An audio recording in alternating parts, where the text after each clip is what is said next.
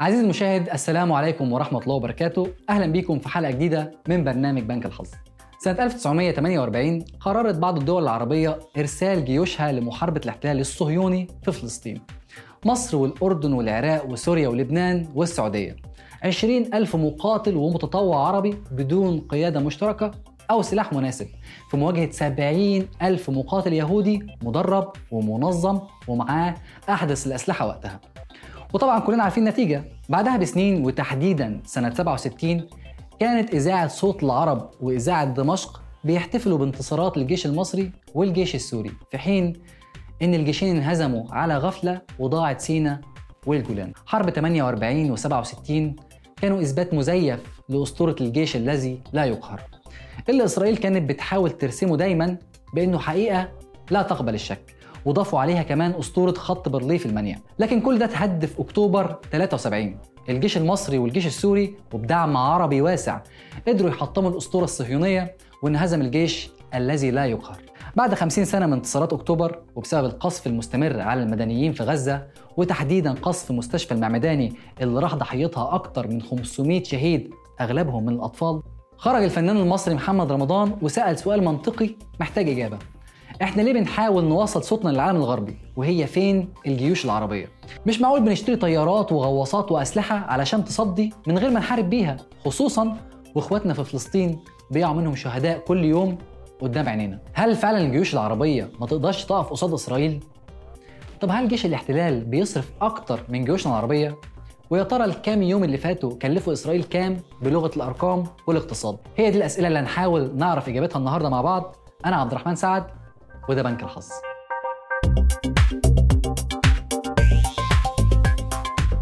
أهلا بيكم.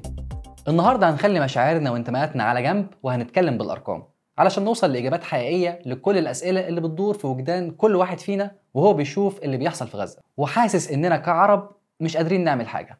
على حسب مؤشر Global Firepower إسرائيل رقم 20 عسكريا على مستوى العالم. وبتصرف سنويا على جيشها بحد أدنى 16 مليار دولار. ودول تقريبا 5% من الناتج المحلي لإسرائيل. لكن من سنة 2020 زاد الإنفاق العسكري الإسرائيلي عن 20 مليار دولار وصل سنة 2022 ل 23.4 مليار دولار علشان تبقى رقم 15 على العالم في الإنفاق على الأنظمة الدفاعية. وده بحسب تقرير معهد ستوكهولم الدولي لأبحاث السلام. بس اللي عاوزك تلاحظه وتخليه على جنب دلوقتي إن الميزانية اللي زادت دي هي برضه نفس ال 5% من الناتج المحلي بتاع سنة 2022 برغم الإنفاق العسكري الإسرائيلي اللي بقى بيزيد عن 20 مليار دولار سنويا زي ما قلنا إلا أن إسرائيل مش هي الدولة الأكثر إنفاقا على جيشها في الشرق الأوسط حسب طبعا أرقام Global Firepower خليني أقول لك إن ميزانية جيش المملكة العربية السعودية وصل ل 15% من الناتج المحلي ودي أعلى نسبة في العالم حوالي 46 مليار دولار في المرتبة الثامنة عالميا والأولى على الشرق الأوسط في الإنفاق العسكري. بعدها الإمارات وتركيا في المركز الثاني والثالث على الترتيب. بميزانية دفاع تقدر ب 25.2 مليار دولار. وتيجي إسرائيل في المركز الرابع بميزانية 23.4 وبعدها بالترتيب الجزائر، سلطنة عمان، الكويت، قطر، العراق، إيران ومصر. والميزانية بتاعتهم بتتراوح بين 9.9 مليار دولار اللي بتصرفهم الجزائر وبيوصل الإنفاق ل 4.3 مليار دولار اللي بتصرفهم مصر واللي هم تقريبا 7% من الناتج المحلي. من التقرير ده هنقدر نفهم ببساطة إن المملكة العربية السعودية لوحدها بتصرف ضعف اللي بتصرفه إسرائيل عسكريا. فما بالك بقى بقيمة الجيوش العربية مجتمعة. المهم دلوقتي إن الدولة العربية الوحيدة اللي ليها حدود مع غزة هي مصر وعلشان كده هنخش شوية في تفاصيل أكتر. حسب معهد ستوكهولم لأبحاث السلام مصر كانت ثالث أكبر دولة مستوردة للسلاح في العالم سنة 2020 بعد السعودية والهند. واردات مصر من الأسلحة زادت بنسبة 136% خلال السنوات الأخيرة. يعني أكتر من ضعف الواردات المعتادة. 2015 مصر عقدت صفقة لشراء 24 طيارة رافال وفرقاطة بحرية من فرنسا بقيمة 5.8 مليار دولار. وفي مايو 2021 صفقة جديدة لشراء 30 طيارة رافال بقيمة 4.5 مليار دولار. وبكده مصر بقت تاني أكبر دولة في العالم تمتلك أسطول طيارات رافال بعد فرنسا. خليني أقول لك إن مصر هي تاني أكتر دولة مستوردة للسلاح الفرنسي. 20% من مبيعات السلاح الفرنسي راحوا لمصر. وخلينا ناخد أمثلة تانية غير فرنسا. سنة 2021 مصر كانت أكبر مشتري للأسلحة الألمانية بقيمة 4.8 مليار دولار حسب بيانات وزارة الاقتصاد الألمانية. وإيطاليا كمان كان ليها نصيب من الصفقات العسكرية المصرية بقيمة تتراوح بين 10 ل 12 مليار دولار. مقابل فرقاطات بحرية وغواصات وأقمار صناعية عسكرية وبقت مصر تاني أكبر دولة في العالم مستوردة للسلاح الإيطالي ده غير إن الصفقات المصرية لشراء السلاح الروسي زادت بنسبة 430% خلال آخر ست سنين. بعد صفقات الأسلحة المصرية دي كلها وبالإضافة للتصنيع المحلي كمان أصبح ترتيب الجيش المصري ال 13 عالميا. في نفس الوقت اللي جيش إسرائيل فيه في المركز العشرين وهنا لازم نعمل مقارنة سريعة بين الجيش المصري والإسرائيلي بالأرقام من غير عواطف ولا أي حاجة. إسرائيل عندها 595 طيارة حربية متعددة المهام. منها 241 طيارة مقاتلة و23 طيارة هجومية و128 مروحية عسكرية. والباقي طيارات لتنفيذ المهام الخاصة والشحن العسكري. أما الجيش المصري فبيمتلك 1054 طيارة حربية. منها 215 طيارة مقاتلة و88 طيارة هجومية و59 طيارة نقل عسكري و294 مروحية منها 81 مروحية هجومية غير طيارات التدريب والمهام الخاصة. أما بخصوص سلاح المدرعات فإسرائيل عندها 7500 مدرعة قتالية. 1650 دبابة منهم 500 دبابة ميركافا اللي فيها نظام حماية نشط. المفروض إنه بيعترض الصواريخ المضادة للدبابات قبل وصولها سواء من الأرض أو من الجو. وكانوا بيوصفوها إنها من ضمن الدبابات الأكثر تحصينا في العالم لحد وقت قريب. أما مصر بقى فعندها 4200 دبابة وأكثر من 11700 مدرعة. والفروق الكبيرة دي ضيف عليها كمان تفوق مصر في سلاح المدفعية لأنها تقريبا ضعف سلاح المدفعية الإسرائيلي. إسرائيل عندها 1000 آلية منها 650 مدفع ذات الحركة و300 مدفع ميداني. في حين أن مصر عندها أكثر من 2100 مدفع ميداني وأكثر من 1100 مدفع ذات الحركة غير طبعا 1100 راجمة صواريخ. ولو حتى بصينا للقوات البحرية هنلاقي تفوق كبير بالأرقام لصالح الجيش المصري. وعشان ما أطولش عليك فوق كل ده القوات العسكرية المصرية الفعلية وقوات الاحتياط عددهم مليون وتلتمية وتلاتين ألف جندي وده تقريبا ضعف القوات العسكرية الإسرائيلية. من غير ما نتكلم عن فرق التدريب والكفاءة اللي أكيد هيصبوا في صالح الجند المصري. اتكلمنا عن القوى العسكرية في منطقة الشرق الأوسط وعملنا مقارنة سريعة بين الجيش المصري والجيش الإسرائيلي.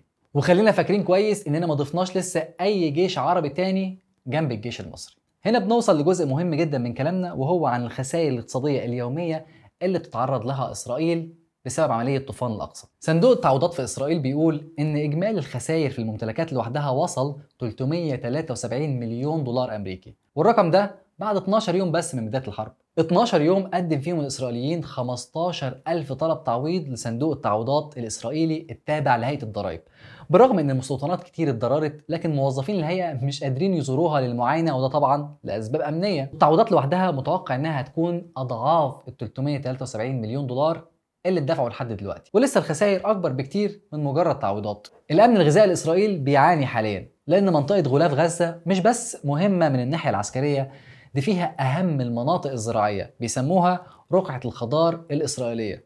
زي ما ذكرت صحيفة جلوبس الإسرائيلية المنطقة دي بتوفر لإسرائيل 75% من الخضروات و20% من الفاكهة و7% من الحليب وكل ده دلوقتي ما عادش موجود. حتى وزارة الطاقة الإسرائيلية اضطرت توقف إنتاج الغاز من حقل تمار اللي موجود على بعد 20 كيلومتر من شواطئ عسقلان.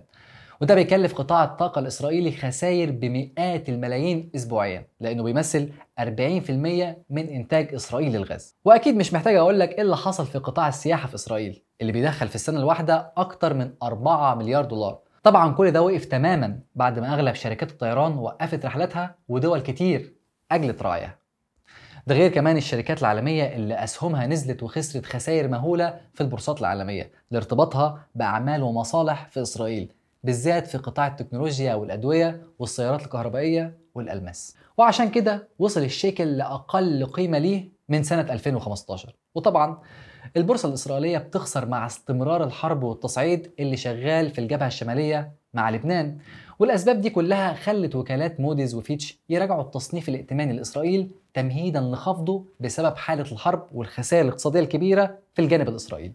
أما عن الخسائر العسكرية فده موضوع كبير قوي. تعال أحكي لك. إسرائيل اتكلفت مليار و200 مليون دولار علشان تبني الجدار الفولاذي اللي حصرت بيه غزة بعمق 25 متر تحت الأرض و6 متر على الأقل فوق الأرض.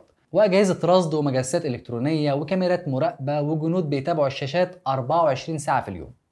وكل ده اتهد يوم 7 أكتوبر مع عبور قوات المقاومة لغلاف غزة. ولحد دلوقتي إسرائيل في صدمة كبيرة إن كل التجهيزات والتكاليف دي ما قدرتش تحميهم. وعشان الكلام يكون أوضح قدامنا لازم نشوف تكلفة منظومة القبة الحديدية اللي بتستخدمها إسرائيل علشان تحمي نفسها من صواريخ المقاومة. تخيل إن البطارية الواحدة بتكلف 157 مليون دولار والصاروخ الواحد من صواريخ القبة الحديدية بيكلف 50 ألف دولار بيخرج من البطارية علشان يعترض صاروخ المقاومة بعد ما يتم رصده فورا. وبعد كل التعديلات عليه طول السنين اللي فاتت دي نسبة نجاحه 90% يعني واحد من كل 10 صواريخ بيعدي من اياها دي وده مش رقم قليل خصوصا إن كتاب القسام أطلقت 5000 صاروخ خلال 20 دقيقة بس في أول يوم والهجوم بالشكل ده اسمه هجوم الطلقة. يعني عدد صواريخ كتير في نفس الوقت لنفس المكان وده بيقلل قدرة القبة الحديدية جدا. أستاذ الهندسة والتكنولوجيا وسياسة الأمن القومي في معهد ماساتشوستس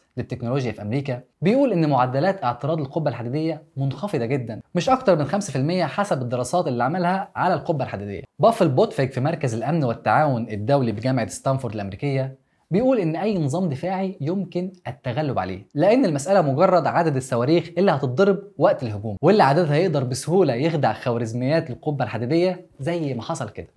بيأكد بافل إن الجانب المهاجم دايما فرصته أكبر في هزيمة القبة الحديدية. مع وضعنا في الاعتبار إن الدفاع تكلفته أعلى بكتير من الهجوم لأن صاروخ الهجوم تكلفته بين 300 ل 800 دولار في حين إن صاروخ القبة بيتكلف 50 ألف دولار. الخبير العسكري الروسي راسلان بوخوف قدر التكاليف اللي احتاجتها حماس للتحضير وتنفيذ الهجوم بحوالي 20 ل 25 مليون دولار. وعلى الناحية الثانية إسرائيل خسرت مئات الملايين من الدولارات.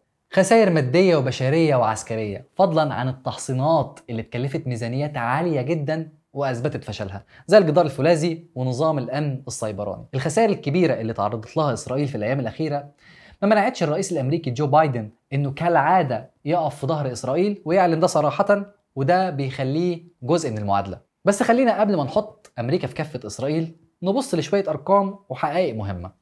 أمريكا لسه خارجة من حرب طويلة في أفغانستان. خسروا فيها أكتر من 822 مليار دولار غير الخسائر البشرية.